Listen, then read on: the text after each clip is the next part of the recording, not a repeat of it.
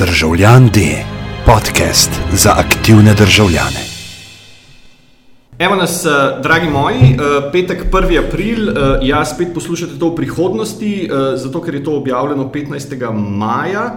Uh, mislim, da bomo 15. aprila objavili Aljo, 15. maja pa pogovor, ki ga pravkar poslušate, oziroma ki smo ga pravkar začeli snemati. Uh, danes je v goste prišel v čudoviti uh, ljubljanski poligon Marko Rakar iz daljne Hrvaške. Uh, torej je državljan, da je tudi uradno postal uh, mednarodni podcast. Ni to samo, da se Tomič pogovarja tam z nekimi podcasterji iz. iz, iz nekih čudnih držav. Uh, z Markom se bomo danes pogovarjali, sicer mičken tudi o kriptopartiju, kjer ga mogoče vi poznate, oziroma kjer smo ga, kjer smo ga prvič gostili.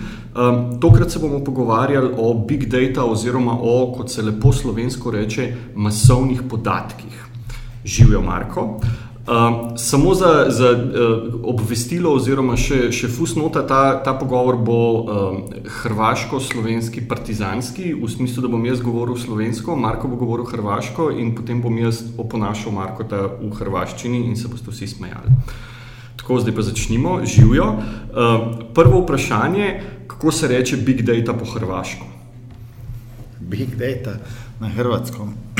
A big data je big data, dakle mi se nismo trudili baš previše e, prevoditi. Ja mislim, ima sad nekakvih pokušaja, ne, sad su svi otkrili data scientiste i, i prediktivnu analitiku i takve nekakve alate, ne, sad, to, sad to počinje biti mainstream ovaj, u Hrvatskoj, ali nismo se još trudili e, prevoditi big data. Okay. Um, ti si se z Big Data ukvarjal na področju, čeprav vem, na področju ameriških volitev, oziroma na področju kampanje za ameriške volitve. Ma ne, ne samo to, ne, dakle, ja sam se sa bazama podataka počeo baviti 2008-2009. Dakle, i, Dakle, kao prvo, ne, važno je znati da big data ne mora biti big, ne, za početak, ne. Dakle, big data je samo ovaj, količina nekakvih podataka koje dobijamo iz raznih izvora i onda ih spajamo na načine koji do sada nisu bili mogući, ne. Tako da big data može biti u biti vrlo, vrlo e, malen ako treba. Samo je ideja, poanta je spojiti dva seta podataka na neki neočekivani ili novi način. uh E, i, dakle, prva stvar koju sam ja bio radio, a koja bi se mogla nazvati Big Data, je bila 2009. godine kad smo se bavili e, biračkim popisima u Hrvatskoj, e, zato što u Hrvatskoj, dakle po tadašnjim podacima imali smo 4 milijuna 400 tisuća 70 glasača, a istovremeno smo imali 4 milijuna 430 tisuća građana u državi. Dakle, imali smo više birača, ovaj, glasača nego što smo imali građana, što naravno nije normalno, ne, jer nekakvih 20% populacije, 18 do 20% populacije e, svake države su maloljetni građani, ne, tako da taj broj jednostavno nije odgovarao. E, i uglavnom, dakle, taj problem sa pretjeranim brojem birača je dobro poznat i, i dugo godina se o njemu govorilo, no međutim niko nije točno znao kako, kako se on manifestira ne, i, i koje on probleme proizvodi. Dakle, svi su znali ne, da se nekako manipulira izborima, ali ne točno kako. Ne. E, i onda sam ja bio rekao, u jednom trenutku idemo kad bi dobio ovaj popis birača za cijelu državu, koji je inače povjerljivi dokument koji se ne smije dijeliti, ja bi bio u stanju napraviti ovaj, jednu malu kalkulaciju da vidimo gdje su ti lažni birači, ovaj, gdje oni stanuju. E, i uglavnom, nakon nekakvog, ja sam to napisao na blogu, e, nakon nekog vremena, jedno mjesec, mjesec i pol dana, ne, dakle, dobio sam anonimno na dva CD-a, kopiju biračkog popisa za cijelu državu. Dakle, ono, doslovce sam dobio adresar gdje tko živi. Ne? E, i onda smo napravili jedan mali jednostavni search engine koji je u biti iskalkulirao, dakle, za svaku adresu u Hrvatskoj napisao je koliko e, birača, registriranih birača na toj adresi ima. Ne? ideja toga je bila da ovaj, ja koji živim u samom centru Zagreba, ja ne mogu znati gdje se nekakva prevara e, događa, ali neko ko živi u Dubrovniku, u Metkoviću, u nekakvom selu, negdje, dakle on može lagano provjeriti kroz taj search engine ovaj, svoje susjede, svoju ulicu, svoje naselje i tako dalje. I taj e, mali search engine koji je dan danas aktivan, i koji je država u međuvremenu kopirala, pa postoji identičan takav i državni ovaj, e, search engine, ono doslovce identičan, ovaj, e, je pomogao da se razriješi taj problem prekomjernih birača, ne, i kao posljedica toga, ne, dakle, ja neću reći da je zaslugom tog, uh, tog web sajta se to desilo, ali on je sasvim sigurno bio posljednji u nizu, ne, nakon kojega više nije bilo potrebno do, dokazivati šta se tu događa država iz biračkih popisa izbrisala skoro 800 tisuća e, ljudi ne, koji nisu postojali. Ne. I dakle uvijek je, ono ja obično kad radim prezentacije, onda ja pokažem satelitsku sliku Dusine, e, dakle to je jedan zaseo koji se zove Dusine, u doba kad smo mi radili taj website, tamo nije bilo ni asfalta, dakle to je nekako zaseok na granici između Bosne i Hercegovine i Hrvatske, Ovaj, to je jedna od onih sela u kojima znate ono za zadnjih 500 godina koje tamo živio, ne, jer ima samo tri prezimena koje se mogu pojaviti. E, uglavnom Dusine su bile zanimljive zato što je u Dusini postojala adresa koja se zvala Dusine nula, na kojoj je bilo prijavljeno 404 osobe da žive. Što je isto jedna zanimljiva ovaj, ono, 404 ne kao adresa koje nema je isto komična samo po sebi. Ne. E, uglavnom, zgrada koja ima 400 registriranih e, birača, to je zgrada koja se mora vidjeti svemira. Ne. Ja bi obično, ove, kad bi ilustrirao tu cijelu priču, pokazivao Dusine i onda bi tražili zajedno s ljudima u publici taj neboder u kojem žive ih tih 404 birača. Ne. I nikad ga nismo našli. Ne. Evo, e, dakle, to je bio nekakav početak e, ono, moj početak sa big datom. Okay. Uh, big data je v bistvu zdaj, v, v zadnjem času se mi zdi, da je to postal nek, že skoraj nek buzzword. Ne, da se vsi se bavijo ali z nekim uh, storytellingom ali pa v bistvu z big data. Um, zakaj je to zdaj ratal tako popularen model? Oziroma, zakaj, ker Big Data se mi zdi, da je že od zmeraj so bile pač te vem, statistične baze in analize iz teh podatkov. Zakaj je to zdaj ratal tako zanimivo oziroma tako popularen? Pa, dakle, Big Data je strašno zanimljiv zato što sada napokon, dakle, nakon dugo, dugo vremena imamo alate koji nam omogućavaju da na jednostavan način spajamo te podatke iz različitih izvora. Ne? E, dakle, ono nekakve ono strašno jednostavan primjer je dakle, ja sam radio na sanaciji jednog trgovačkog lanca u Hrvatskoj i e, onda smo e, spojili podatke u prodaji, dakle šta se prodaje u dućanu sa strašno jednostavnim podatkom o, o vremenu ono vani. Dakle, kako je vrijeme u tom času bilo ovaj, na ulici. Ne? uh E, i dakle, ono što je sad jako očigledno, da ono, kad je ljeto, onda ljudi kupuju, kad je vruće, kupuju vodu, kupuju sladole, dakle, to, to su očigledne stvari. Ne? Ali recimo jedna malo manje očigledna ovaj, e, stvar je bila da, je, da smo ustanovili da kada pa, vani pada kiša, onda ljudi novine kupuju u dućanu, a kada je suho, onda ga kupuju e, na kiosku. E, i to je nekakav ono, dakle, mali, mala ilustracija, ne, dakle, šta se iz dva odvojena izvora može e, zaključiti, ne, dakle, ono što se također može, dakle, big data je u, pravilu najviše se koristi u prodaji, dakle, u nekakvom retailu, dakle, u, ne znam, konzumima, merkatorima, bilama i sličnim dućanima, mhm. zato što možemo predviđati ponašanje e, kupaca, ne, jer na mhm. uzorku od desetaka milijuna e, računa ne, i, i tome kako su prethodni kupci kupovali, možemo vrlo, vrlo precizno e, zabrinjavajuće precizno predvidjeti kako će se neki kupac ovaj ponašati kad uđe e, u dućan. Ne. I onda se prema tome mogu e, ne znam, police u dućanima se slažu po tim šemama, ne tako da put na vodi ovaj, kroz dućan, e, može se e, katalozi i diskonti se nude ovaj, e, točno po opet šemama, neko je ono, okidaju odgovarajuće demografske grupe ovaj, koje kupuju u dućanu, ne, može se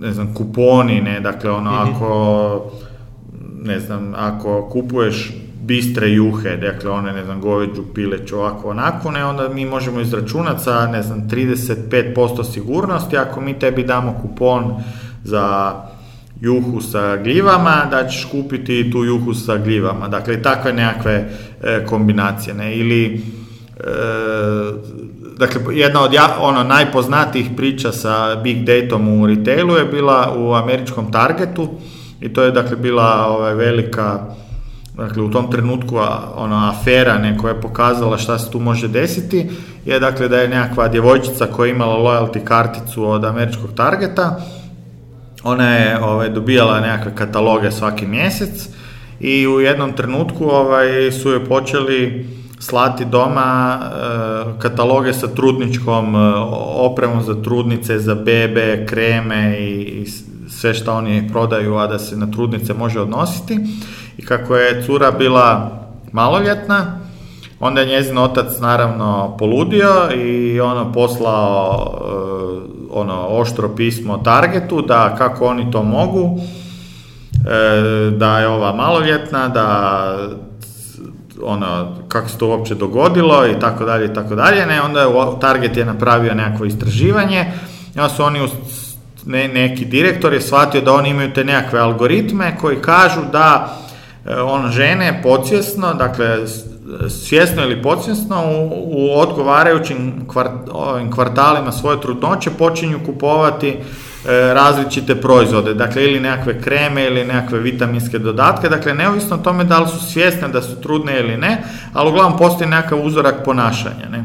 E, uglavnom, dakle, po uzorku ponašanja dotične cure, oni su izračunali da je ona pri kraju prvog kvartala svoje trudnoće i naravno da su počeli slati e, kataloge. Ne? I onda uglavnom oni su se ovaj, ispričali, objasnili su šta se dogodilo i da je njihov kompjuter izračunao s 83% sigurnosti da je cura e, trudna i da je njima jako žao i da oni to više neće raditi i tako dalje. Ne? E, da bi kasnije ovaj, se javio otac te djevojke i rekao da se ipak ona spričava jer je djevojka doista bila trudna. ok, um, torej big data kot the ultimate pregnancy test, da. če temu tako rečemo. Um, kje se še uporablja, oziroma uh, o hekanju teh, teh big data, oziroma kaj lahko, kaj lahko uporabnik naredi, da, da mogoče malo oziroma a se da uh, zavest ali pa se da algoritmom lagati pol kasneje. Ampak kaj so še recimo področja poleg trgovin, kjer se, kjer se te m, podatkovne zbirke uporabljajo, ali pa kjer se zbira zelo veliko število podatkov v uporabnikih in ki, ki si jih potem uporablja za, za različne namene. Pa, dakle, ono, public relations, dakle, javno mjenje je ono prvo sljedeće područje gdje se Dakle, ono, big data i svi ti alati mogu koristiti istovremeno, ne? jer dakle, danas možemo pratiti istovremeno ogromni, ogromnu količinu ono, feedova iz svih e, živih smjerova i jednostavno možemo pustiti algoritme dakle, od jednostavnih stvari. Dakle, mi možemo danas e, protjerati dakle, ono, pronađemo segment e, politike na svim slovenskim portalima, pustimo software da downloada sve članke koji su se danas ili zadnje 24 sata pojavili, ovaj, a da se bave e, politikom i onda idemo mjeriti e, sentiment tih članaka. Dakle, da li su oni pozitivni, negativni, da li ima ljutnje, da li ima ono, ljubavi, dobro, u politici malo ima ljubavi, ali je ono mržnje, dakle, i sličnih stvari i onda se može mjeriti dakle nekakav e, puls e, nacije kroz takvu stvar. Ne. Ono ekstenzija toga je da pratimo Twitter feed. Ne. Dakle, ono, pronađemo deset tisuća slovenskih, hrvatskih, austrijskih twitteraša, gledamo šta oni pišu, dakle ne moramo čak ni razumjeti o čemu oni pišu, jer na toj mm. količini tweetova je to skoro pa nebitno i onda ovaj, izračunavamo dakle sentiment e, ljudi u tom trenutku, ne, dakle, i onda možemo pokušati pronaći korelacije, dakle, šta je bilo, dakle, da li je e, bio neki politički događaj koji je doveo do toga da se osjećamo na, kao nacija loše ili je loše vrijeme, ne, pa smo zato loše, e, ili je ponedeljak, ne, pa smo loše ovak i onak, dakle, ono, sve kombinacije tu dolaze E, u obzir. Ne? E, a onda, dakle, ako odemo opet pak korak dalje, onda ponovo, dakle, isti ti alati, iste te stvari, dakle, se mogu koristiti zato da se e, ono, vrlo precizno definiraju političke poruke, dakle, da političari ono, vrlo dobro znaju šta da kažu ovaj, e, kad su na mhm podcastu poput ovoga, mm dakle da, da jednostavno paze na tome. Dakle, još je, Michael Crichton je imao knjigu koja se zove Terminal Man, ne, koja u biti ono, govori i predviđa sve ovo što se e, danas događa sa tehnologijom. Dakle, mi danas doslovce možemo mjeriti e, dakle, sentiment nacije i reakciju, dakle, ono u realnom vremenu. mm Je to zdaj popularno mogoče zaradi tega, ker je, ker je podatkov toliko več na voljo, oziroma ker uporabniki sami producirajo neke baze, ne vem, omenil si Twitter profile, bloge, komentarje na, na, na news portalih. Uh, je, je bilo to prej mogoče, oziroma a to prej ni bilo mogoče ravno zaradi tega, ker ni bilo dovolj informacij, oziroma ker, ker uporabniki niso tako, če rečemo, odprto komunicirali kot zdaj. Pa ne, ne, ne samo da nije bilo dovoljno informacije, nego je informacija bila analogna.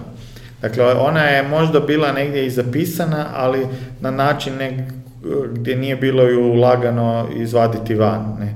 Dakle, mi znamo, e, na primjer, dakle, danas, dakle, onaj obični e, Microsoft Kinect, ona kamera, ne, koja postoji za Xbox, ali postoji za PC-a, ona, ovaj, dakle, ta kamera ili slična kamera toj, dakle, ona se može danas vrlo lagano programirati da e, prepoznaje e, da li je neko muš, ono, dakle, stavimo na ulazu u dućan ili u kino ili u, u galeriju, dakle, sasvim svejedno. Dakle, da prepoznaje da li je unutra ušao muško, žensko, dijete, e, koliko otprilike ima godina, dakle, kakav izraz lica ima kad gleda neku sliku, E, dakle, sve te stvari možemo sada raditi, dakle, digitalno i možemo ih spremiti. Ne? I trošak pospremanja tog podatka je gotovo e, nikakav. Ne? Dakle, mi možemo sada vrlo jednostavno, dakle, ono što se radi je dakle, da se prati, budući da svako od nas ima mobilni telefon, onda se po shopping centrima prati kretanje E, klijenata ovaj, po, po dućanu. Ne? Dakle, to je jedna od e, mogućnosti. Dakle, da vidimo u kojem dijelu dućana se ljudi koncentriraju, ne? gdje se duže zadržavaju, gdje se zadržavaju jako kratko. Dakle, i, i ono, puno, puno takvih ovaj, stvari se može otkriti ovaj, uz te razno razne senzore ne, koji su danas e, prisutni, sve jeftiniji i, i jeftiniji. I onda ovaj, iz toga ovaj, možemo početi izvlačiti nekakve zaključke. Ne? Dakle, ne uvijek ono dobre ili na korist onoga koji se promatra, ali ovaj, sasvim sigurno možemo donositi zaključke. Preden greva na, na, na, ta, na to zaščito oziroma na, na to hekanje teh podatkov, v bistvu še dve teme. Eno je, um, meni je bilo blazno zanimivo, recimo, kako so se um, poročila o ameriških predvolilnih kampanjah. Ne? Recimo prvi, um, prva kampanja Obame, pa potem tudi druga, ampak predvsem prva, kjer so se v bistvu prva poročila so bila, ne, da, je, da je Obama zmagal zaradi social medija, zaradi Facebooka, zaradi, tega, zaradi te bližine do, do, do voljivca. Kasnejše teorije oziroma kasnejše razlage so šle bolj v smislu ravno teh big data collectionov oziroma tega, da je on zelo dober zbiral v bistvu te podatke, jih potem ne vem, zgradil super ne vem, mailing baze in potem pošiljal ne, customized uh, sporočila posameznim, posameznim volilcem. Um, kako, je, kako se big data razlikuje, oziroma kako se uporaba big data razlikuje v ameriških, pa recimo v evropskih ali pa v, v teh ajde, balkanskih uh, predvolilnih kampanjah? Pa razlikuje se drastično, zato što Amer, dakle, američki u Americi je praktički e, gotovo svaki podatak moguće kupiti i svako e, je voljan prodati podatak. Ne? To znači da će kao prvo, dakle, birački popisi u Americi su javni dokumenti, ne, i točno se zna ko su birači, gdje oni stanuju, ne. Vi možete kupiti bazu podataka automobila, ko je vlasnik kojeg automobila, ne, pa onda već imamo birača, onda imamo i auto koji vozi, ne, pa onda nije isto da li vozi skupog BMW-a ili vozi nekakvog malog 15 e, godina starog Chevroleta, ne. E, onda možemo pokupiti podatke od kreditnih kompanija, o tome e, gdje sve trošite novac, ne, pa se može kupiti podatke od ne znam, Walmarta, ne, pa će on reći šta ste točno kupili, ne. Dakle, ima cijeli niz podataka koji ono jednostavno gradi nekakvu sliku o nekakvom biraču, ne. I onda kada to stavimo na hrpu, onda možemo vidjeti e,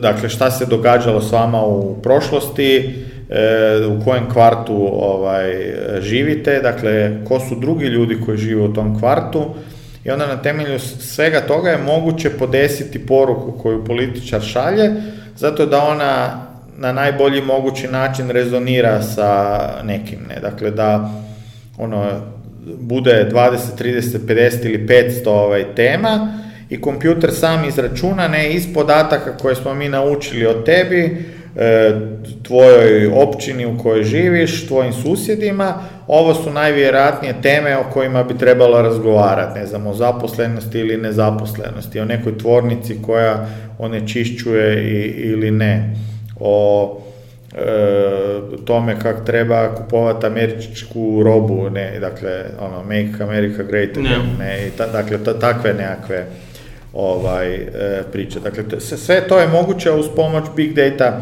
e, podataka. Ne? E, a u Europi je to puno, puno teže, zato što ipak europski e, zakon i europska praksa je bitno, bitno drugačija. Ne? Kod nas nije moguće ono kupiti, sasvim sigurno nelegalno, većinu tih podataka. Dakle, birački popisi gdje ko stanuje, oni u pravilu nisu javno dostupni. E, kreditne, e, kreditne kartice, dakle pod, gdje si ti trošio novac, to nije moguće e, kupiti opet nelegalno. Dakle, šta se događa u nekakvim sivim zonama, to je malo teško za reći, ali ono sasvim sigurno ono je tu zaštita građana puno, puno veća i to u samom startu je veća jer jednostavno države ne dopuštaju prikupljanje E, pojedinih podataka, a kamoli nakon toga njihovu prodaju. Ne? Jer dakle, ako ja kupujem redovno u nekom dućanu, da oni znaju šta ja tamo kupujem, mhm. ali oni ne bi smjeli ono takvu bazu podataka, dakle koja uključuje mene i tisuće e, ili stotine tisuća drugih ljudi, dakle oni takvu bazu ne bi smjeli e, prodati dalje. Ne? Osobito ne e, sa nekakvim jedinstvenim identifikatorom, dakle da se može izračunati o kojoj osobi se radi. Uh-huh. Ok. Uh, pa je potem, če imamo zdaj na eni strani Ameriko, kjer se v bistvu to vse da in se tudi dejansko uporablja, kaj od tega, oziroma kako se potem, kako se potem big data uporablja recimo v Evropi ali pa, ali pa na tem na pol lokalnem nivoju pri nas? Pa dakle, uh, ljudi pokušavaju uh, ono, pokušavaju spojiti ono, dakle, nekakve različite izvore zato da dođu do nekog novog zaključka, da nekakvu novu kvalitetu ovaj, e, pronađu iz toga. Ne? Na primjer, e, dakle, radio sam jednu manju analizu za e, web stranicu koja se bavi prodajom aviokarata i onda ovaj, ako imaš ne znam 100 ili milion upita za aviokarte, onda iz, iz, iz takve jedne velike baze se može vidjeti e, koje, koje destinacije treba nuditi, e, možeš se osloniti na mudrost ljudi koji su kupovali karte, dakle da pronađu optimalan put između e, ne znam, Ljubljane i ne znam, San Francisco on, e, ili takvu nekakvu kombinaciju. Možeš vidjeti u koje hotele, dakle ljudi koji su kupovali karte ovaj, ne znam, 30 dana prije puta, oni vole odsjedati u hotelima takvog i takvog tipa. Ne? Dakle, tu se može napraviti ono puno, puno kvalitete e, za ljude. Ne? Dakle, ako gledamo to s pozicije politike ili ono, ne znam, društva, dakle, ono, ne znam, grad, država koja brine o svojim građanima, ona bi mogla iz tak, ono, analize takvih nekakvih upita ili ponašanja ljudi, ne znam, e, na primjer, javni prijevoz bi morao, po meni morao bi, e, dakle, analizirati e, ono, kada ko ulazi u e, autobus, tramvaj, vlak, gdje izlazi, kad izlazi i tako dalje, ne, zato da se pokušaju optimizirati, ne znam, vozni redovi, ne, dakle da budu efikasniji, da budu manje gužve, da ljudi brže dođu ovaj, e, do svoje destinacije. Dakle, to bi bio nekakav primjer e, ono javnog servisa, dakle, ili bolnice, e, bi na isti način mogli analizirati svoje pacijente, ne, dakle, E, recimo u Velikoj Britaniji je bila u jednom trenutku jako popularna i iznimno efikasna e, kampanja nekada je e, kada je njihov NHS, dakle njihov sustav za zdravstvo, oni su objavili podatke o dijagnozama i vremenima liječenja i uspjesima liječenja po pojedinim bolnicama. Ne? E onda naravno u startu bude nekakav šok jer ustanovimo da u jednoj bolnici ljudi umiru češće nego u nekoj drugoj. I onda, ali kad prođemo tu fazu šoka, ne, nakon toga se možemo ovaj, e, ono, liječnici se mogu natjecati ne, i proučavati, gle, ako ona bolnica, ako oni uspiju terapiju napraviti za 10 dana, a nama treba prosječno 14, šta oni rade bolje, nego mi, ne, ili, e, dakle, uvijek sa bolnicama je problem u, u pacijentima koji su bili na nekakvoj terapiji, dakle, bili su u bolnici na operaciji ili ne znam čemu, ali se vrate nakon šest ili devet mjeseci na nekakav novi tretman, ne, dakle, gdje smo mi pogriješili, šta neko drugi radi bolje, da bi mi spriječili taj e, budući trošak, ne, dakle, i, mislim, ima tu ovaj, jako, jako puno Dakle, ima strašno puno mogućnosti s jedne strane, ali s druge, ovaj, ja sam hodao dosta po tim e, seminarima, kongresima koji se bave big datom i tim razno raznim tim prediktivnim analitikama, analitikama i nažalost moj zaključak je da vrlo često se puno o tome priča i svi jako, jako guraju, no međutim ovaj, kada i onda se nekakve super stvari izračunavaju, ne, ali onda kad se zapitamo dobro čemu to točno služi ne, i koja je dodatna korist koja je iz toga e, iscrpljena, onda se svi onak malo počešu po glavi i kao pa gle ne znamo još, ne mi to još testiramo i takve nekakve kombinacije. Ne. Ali ono što je sigurno je dakle da se sa takvim pristupom e, može strašno puno naučiti o ljudima, o ne znam, o strojevima, o, dakle, gotovo bilo čemu, ne. Dakle, sasvim sigurno tu nekakve koristi ima, ne, samo trebamo naći e, načina da, da počnemo crpiti to. To je moje naslednje vprašanje. Ne? E, človek ima občutek, da, okay, da zdaj tehnologija je zelo poceni za zbiranje teh podatkov, ne? oziroma lahko na več načinov dobiš več podatkovnih baz. Potem je pa vprašanje, kaj se s temi bazami dogaja, oziroma tako kot si ti rekel, ne? kaj dejansko s temi podatki narediš. Nekje je tle uh, nek actionable data, recimo, ne, oziroma kaj se da potem s temi podatki narediti.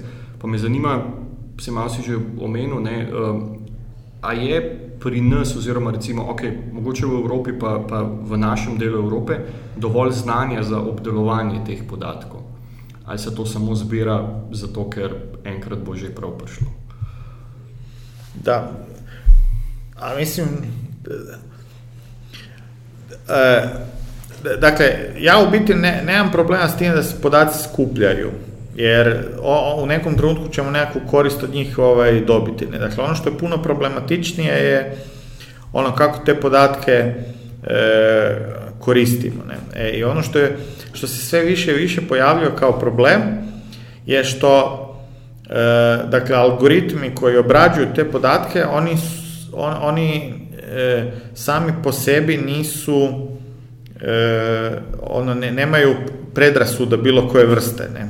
E, a podaci koje dobijemo oni jako često imaju ugrađenu nekakvu predrasudu. Ne? Dakle, ono najgluplji primjer, ono i vrlo, vrlo svježije, e, dakle, Microsoftov Twitter bot ne, koji se pojavio, E, I dakle, to je bila neka umjetna inteligencija koja je ona ulazila u interakciju sa ono, korisnicima Twittera, krenula se dopisivati i ono što se desilo je dakle, da su unutra 24 sata ovaj, e,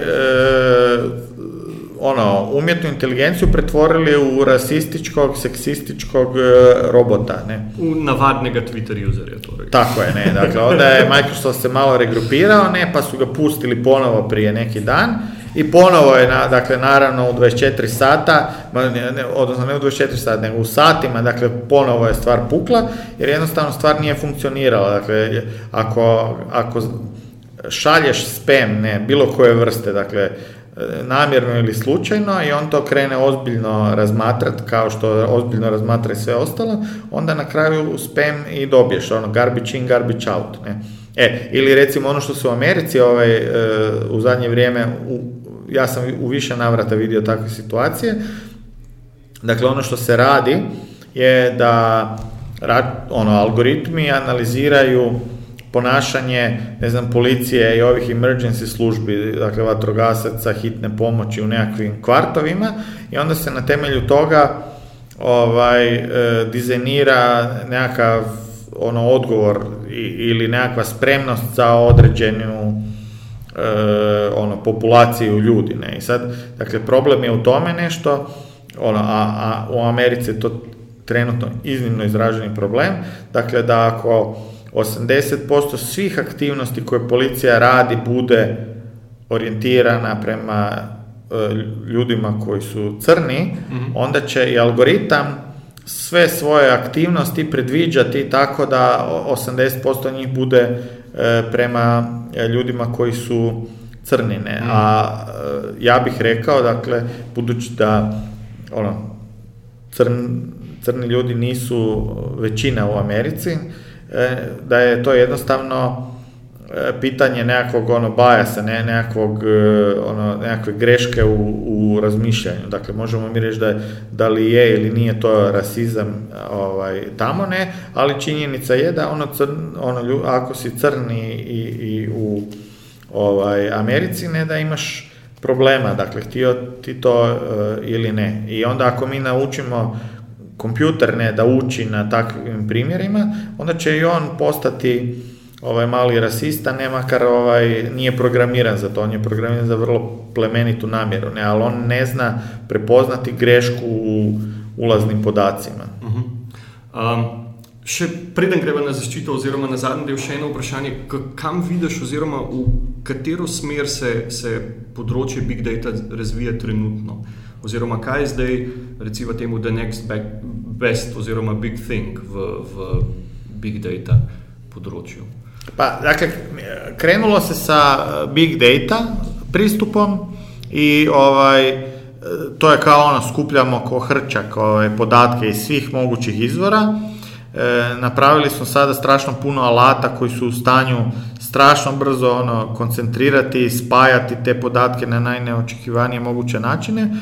Dakle, trenutno e, se ogromna količina energije e, e, i novaca istraživanja troši na dakle ono što se onak zove umjetna inteligencija, u biti je to prediktivna analitika, a u, u nekakvoj svojoj ono, matema, ono, matematičkoj biti to su nekakvi algoritmi koji omogućavaju da izračunaju vjerojatnost nekog budućeg događaja na temelju nekakve prethodne, na temelju nekakvog prethodnog iskustva. Ne? I dakle, jako, jako puno toga se radi sa prediktivnom analitikom. Dakle, da mi predvidimo šta će se dogoditi. Ne? Dakle, da predvidimo e, ne znam, kada će neki pretplatnik telekoma se pokušati prebaciti drugom telekomu i da ga spriječimo u tome. Ne? Kada će se neki stroj u tvornici pokvariti dakle kada će se desiti nekakav požar negdje, dakle, ili gdje će se dogoditi požar. Ne? Mhm. Dakle, to, to, to, su ovaj, stvari koje se e, trenutno razvijaju i jako, jako puno ove energije se troši. Ne? A šta je nakon toga? To ne, ne znamo, ne, dakle, ali ono, ono, puno toga se trenutno ono, e, događa i, i počinje u jednom te istom smjeru voditi, ne, dakle, imamo Dakle, ne, ne, smijemo promatrati samo big, dakle, na primjer, ne, dakle, Tesla, ne, automobili, uh-huh. Teslini automobili, oni su svi, dakle, svi automobili su povezani sa svojom centralom. Dakle, da li su ono baš online non stop ili svaki put kad naiđu na hotspot, neko što mi ovaj, kad dođemo negdje pitamo wireless password, ne taki auto taj pokušava pronaći svoj wireless password i onda sa Teslom razmijeni nekakve podatke. Ne? Dakle, ono što se pokazalo, ne, dakle, da kolektivna mudrost ono desetaka tisuća Teslinih vozača pokazuje, na primjer, ne, dakle, vozite se cestom i onda oni kad skuže da je, da je nekoliko vozača na nekoj dionici puta usporilo naglo, onda će nakon par dana svima poslati update i reći, gledaj, dakle kad naiđeš na, ne znam, sredinu Prešernove ulice, onda uspori jer tamo ima nešto zbog čega svi drugi usporavaju. Ne? Dakle, to je nekakva ono, e, ne, neposredna korist e, toga. Ne? Dakle, ljudi koji se bave automoto industrijom kažu da dakle, ta količina podataka koju Tesla ovaj, crpi svojih automobila im ono na dnevnoj bazi pomaže ne, da naprave ono novi e, ono novu verziju softvera, no, ono, da naprave bolje auto jednostavno. Ne? Mhm. Dakle, ne zato što, zato što ljudi vrlo često ne znaju što žele, Odnosno, dakle, ono što njima treba nije isto onome što oni žele, ne, I, mhm. i, to je ta, ono, ne, nekakav, možemo reći, dakle, big data, ne, dakle, nekakve te pametne analitike mogu pomoći u tome, ne, da shvatimo što ljudi u stvari žele.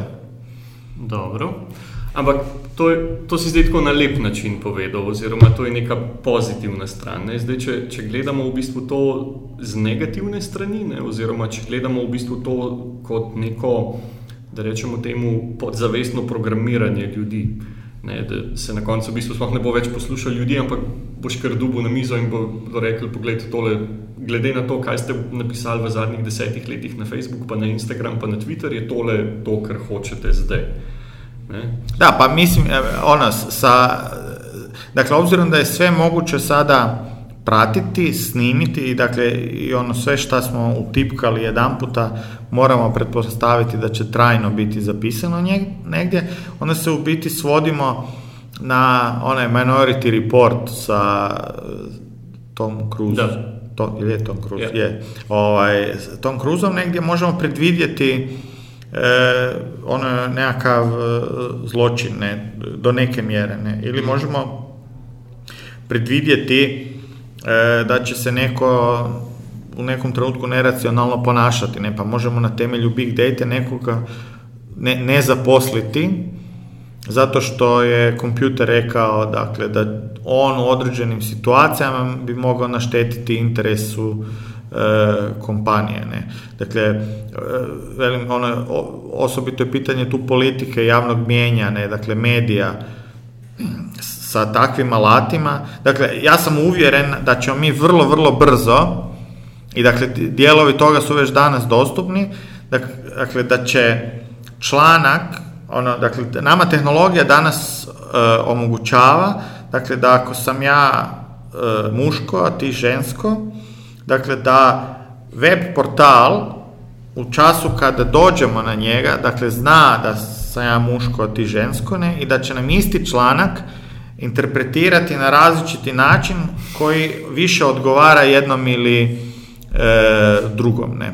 Okay. E, I dakle, s jedne strane to može zvučati zanimljivo jer će svako od nas dobiti podatak koji ga zanima, a s druge strane to je opasno ne zato što se počinjemo sami sebe zatvarati u nekakvu ljušturu informacije koja je nama zanimljiva. Ne? Dakle, to je kao Facebook. Ne? Dakle, na Facebooku se mi hranimo informacijama koje nam pružaju, dijele ono ljudi s kojima smo mi e, dobri i s kojima se osjećamo ugodno, ne, dakle ljudi koje, za koje želimo da nam budu prijatelji, ne, e, a puno toga se događa izvan te nekakve ovaj, ljušture ugodnoga. Mm. Dakle, ono, ljudi moraju e, biti eksponirani prema lošim vijestima i prema sve ono što, drugom što se događa. Dakle, e, tu je nekakav e, problem. Ne? Ima, dakle, a, ako, ako neko zna ono kako e, dakle svojim riječnikom, jezikom e, formulirati tvrdnje, ne, dakle koje rezoniraju s nekakvim tvojim prethodnim životnim iskustvom i sličnim, ne, dakle on ima daleko veću šansu ovaj, da ti nešto proda, dakle da li je to ideja ili televizor, to je sasvim ovaj, e, svejedno, dakle postavlja se pitanje etike, ne, dakle imamo novu tehnologiju, ali nemamo novu etiku, ne, dakle nova, ono, društvo kada prelazi iz jedne tehnološke faze u drugu, ne, onda mora razviti etiku koja, koja prati taj tehnološki razvoj, ne, a toga mi jednostavno nemamo, ne, mi smo u dijelovima još, e, mi ni, ni ovu e, računalnu informa- revoluciju, informacijsku revoluciju nismo apsolvirali šta ona točno znači za nas, jer je veli- veliki dio našeg ono, obrazca ponašanja uvjetovan još uvijek ono industrijskom revolucijom 18. 19. stoljeća. Če greva v bistvu zdaj nadaljujeva s tem, pa, pa se v bistvu fokusirava na uporabnika, oziroma kaj lahko za to, da se bo mogoče ta debata ali pa ta refleksija vsega, vse te tehnologije zgodila čim prej, ne, kaj lahko naredi uporabnik sam, oziroma ne, kaj lahko naredi poslušalec tega podcasta. Šta da radi? Kako se, kako se recimo na eni strani mogoče čista zaščita pred tem, se pravi, ne vem, eh, v trgovini enkrat na teden kupite nekaj, kar ne bi nikoli kupili, zato da boste pač algoritme zafrknili. In do tega, ne, da, da v bistvu na kakšen način, kdo bi se mogel pogovarjati o tem, bi mogla biti to vem, politika, bi se mogla to industrija sama sebe v bistvu izpraševati o tem, ali je to prav, kar delamo, oziroma imeti neko ne vem, moralnega mačka oziroma moralno krizo. Da, mislim, ne, ne, ne možemo mi baš očekivati puno ono morala i etike ovaj, od naših kompanija. Ovaj, političari, oni će govoriti da jako puno o tome brinu, ali u praksi će sami se potruditi ovaj, vidjeti mogu li oni to iskoristiti nekako u, u, u nekakvu svoju svrhu. Ono, ne, ne, ne, nedavno je neko napisao ne, da je Orwell kad je pisao 80... I ima, nekakav mim na, na internetu, ne kao napisao sam vam 1984, ali to nije bio manual, ne, to je bila... Warning. Warning, ne. E, a sad je nedavno neko napisao, ovaj, on, ovaj, e, Orwell nije imao dovoljno mašte, ne, kad je pisao 84. Može to i puno gore ovaj, od toga, ne. Tako da, ne znam, ima puno potencijala, dakle, i za dobro i za loše, ne. E, a kako se braniti od toga, to je e, sve teže i teže, ne, zato što je ono, naš život se pretvara u e, ono, on je sve više više digitaliziran ne, i dakle sve više više toga je e, pospremljeno. Ne, ja ne znam, ja koristim recimo Fitbit, ovaj, koji mjeri ono korake i tako dalje, ne, i sad imao sam četiri godine e, Fitbit koji je mjerio samo korake i koliko sam se popeo katova, ne, i uglavnom pokvario mi se, sad sam kupio novi, ne, taj sad već broji i e, moje otkucaje srca, ne. E, dakle, to je jedna, dakle, to je meni strašno zabavno, jer sad vidim nekakvu aktivnost i mogu malo bolje, dakle, pretvaram se da malo bolje pazim na sebe i svoje zdravlje, ne, ali e, ono znanje koju kompanija može saznati o meni i o svima onima sličnima meni je e, nevjerojatna, ne, dakle, istu stvar nakon toga može raditi i, država, ne.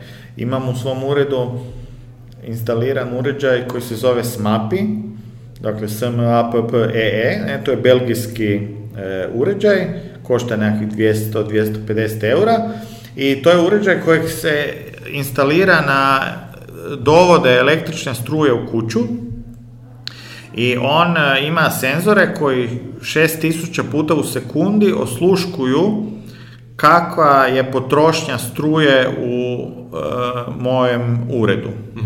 E, i sada, dakle, ako se sjetite e, ne znam, ono, ono ratnih filmova, ne, pa onda ima ono podmornica i onda imaju oni likovi na sonaru, ne, koji po zvuku propelera znaju ne samo koji je tip podmornice, nego znaju točno koja je podmornica tamo, ne. E, dakle, s mapi, on je u stanju po šumu koji se desi na električnoj instalaciji prepoznati da li sam ja upalio mikrovalnu pećnicu, da li se meni upalio hladnjak, da li sam upalio kompjuter, monitor, televizor, da li sam upalio rasvjetu u WC-u ili sam upalio rasvjetu u kuhinji. ne? Dakle, on je u stanju identificirati takve događaje. E, i to je super, ne, jer sad ja znam, ne, ja sam sebi optimizirao e, potrošnju struje u svom uredu do ono, ono, vrlo bolesnih razmjera. E, ali sljedeće pitanje je šta može napraviti, e, dakle, Hrvatska elektra ili slovenska ili njemačka ili američka, neko, kad oni instaliraju isti takav e, uređaj koji će nominalno biti tamo zato da on potroši, koliko, mjeri koliko se struje potrošio, ali dakle današnja brojila on njih pregledavamo jednom mjesečno, ne? Ali ako imamo digitalni, koji je digitalno spojen sa svojom centralom, zašto on ne bi to mjerio 6000 puta u sekundi? Njim trošak toga je gotovo zanemariv, ne? E, i onda, dakle, na mjestima gdje su takvi ovaj, brojači instalirani, tamo je policija ili elektra je u stanju prepoznat da li imaš malu farmu marihuane u podrumu ili nemaš, ne, zato što lampe i, i sve što je potrebno da bi uzgajao marihuanu ima vrlo jasan profil e, potrošnje struje, ne. Da. E, i da, da, dakle, veliki problem je što ono, svi ti senzori kojih je sve više i više oko nas, e, oni su u stanju prepoznavati određena e, ponašanja, ne, i dakle, ta ponašanja država, država ili neko drugi može jednostavno krivo protumačiti, ne, može, uostalom, dakle, postoji nekakva ono, razina privatnosti koju jednostavno moramo imati e, u kući, ne, dakle, ono, da, dakle, odlučili smo živjeti u nekakvom uređenom društvu, živjeti po određenim zakonima, ne, ali, dakle, post, po- post- trebale bi postojati nekakve male oaze, negdje možemo voziti malo brže nego, nego što je dopušteno, negdje možemo, e, ako nekoga to veseli, ono, popušti nekakav joint, ne, ili popit ono malo više ili ne, nešto takvoga, ne. A kažem, to će biti sve teže i teže raditi. Je potem v bistvu edini na svet, oziroma edina rešitev, just don't do it. Oziroma, ne Fitbit, ne vem, ne ga imeti, ne ga skozi nositi okoli, ampak ga nosi v bistvu samo takrat, ko ne vem, štopaš 10.000 korakov na, na dan. Da, ali ono, mogu ja izvaditi Fitbit iz džepa, ne, no međutim moj telefon ili tvoj telefon, on, to, on radi to isto, ne, samo što ti ne kaže da on to broji, ne. Ja sam nedavno, e, dakle, jer mi Fitbit nije radio, onda sam aktivirao aplikaciju, ono, Health na mom telefonu i onda sam shvatio da je on e, meni pokazuje moje korake unazad zadnjih nekoliko mjeseci, iako ja tu aplikaciju nikad prije nisam pokrenuo, ne, dakle ti podaci su već bili unutra. E, I jednostavno se zabrineš kad vidiš e, takve stvari, ne, dakle možemo mi bježati od senzora, ne, mogu ja skinuti Fitbit, ne, ali to ne znači da, da ti podaci neće biti na neki način e, prikupljeni. Mislim, može se, e, šta ja znam, ne, im- ima, im- velim, ne- najnevjerojatnijih stvari ima, ne, dakle, na aerodromima se sada koriste infracrvene kamere, dakle ono kamere koje izgleda kao svaka druga, ne, koja između ostalog je programirana da mjeri temperaturu e, i puls e, ljudi koji prolaze, ne, zato da identificiraju ili ove koji imaju nekakvu ptiću gripu ili nešto, ne, da ih se može lakše izdvojiti, ili ljude koji pokazuju nekakve uzorke nervoznog ponašanja e, na aerodromu, ne. Dakle, jednostavno ne, ne možemo mi od toga više pobjeći. Dobro. A, a mava za na optimistično, da bo vse v redu, ali bova zaključila s tem, da senzorjem ne moremo pobegati in da zdaj se lahko samo še vem, prepustimo vedno bolj topli vodi. Pa, dakle, meni je te, teško to reći. Dakle, ja ne vidim načina e, kako se oduprijeti e, tome, ne? jer e, dakle, danas možda možemo odabrati da ne nosimo Fitbit sa sobom, ne? Ali nosimo telefon koji to broji. Prije pet godina on to nije brojao. Dakle, mi ne znamo šta će on raditi za, šta će naš telefon raditi za e, pet godina. Ne. E, prije, ono, danas, ako kupimo hladnjak, on je obični hladnjak, ne, ali novi, ono, sad malo skuplji hladnjak kupite, on radi inventuru šta se u njemu e, nalazi, ne. On ima i kameru malu, pa možete na telefonu, kad ste u dućanu, pregledati šta ima u frižideru ili nema, da E, e, dakle, za pet godina neće takvi e, hladnjaci biti normalna stvar. E, automobili koji se ono, non stop dopisuju i razgovaraju sa svojom tvornicom, dakle, sada ih već ima, ne, to su sada skupi automobili, ima ih malo i tako dalje, ali za pet ili deset godina oni će postati standard. danas plaćamo E, odemo u kafić ili u restoran pa možemo platiti novčanicom, ne, za pet godina ili deset godina imat ćemo beskontaktnu karticu i postojat će neki blockchain, ne, dakle ko Bitcoinom koji će vidjeti da je Marko dana toga i toga, tamo i tamo potrošio e, toliko i toliko, ne, dakle ono više neće, bit će jako, jako teško bilo što učiniti, a da to bude imalo e, anonimno.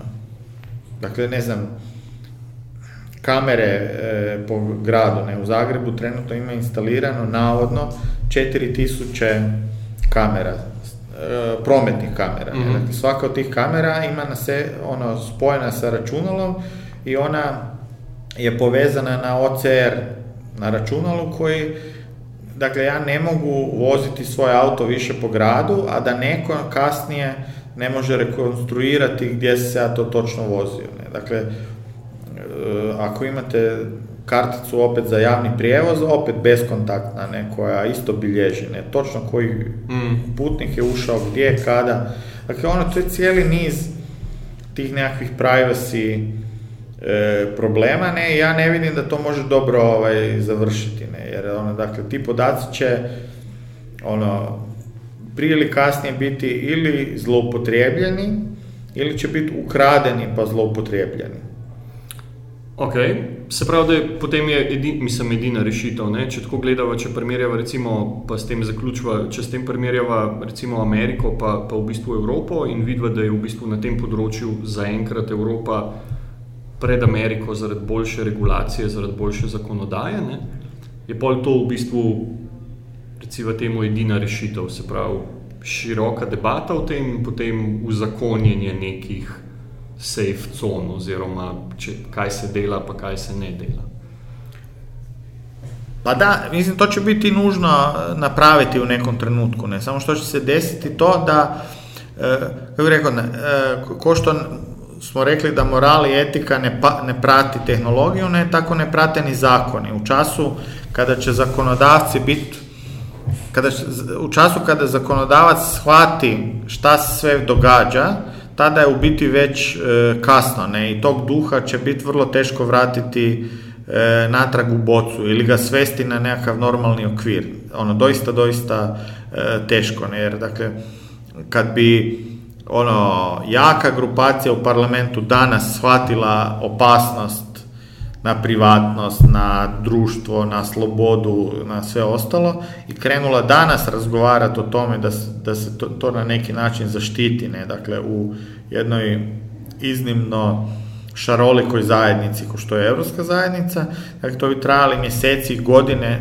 dakle dok ne dođemo do nekakvog prvog zaključka kako bi to trebalo riješiti. Ne? A dakle, ono, sam se trebamo sjetiti kako izgleda tehnologija danas, o kojim stvarima mi raspravljamo danas, a o kojima smo raspravljali prije tri ili pet e, godina. Ne?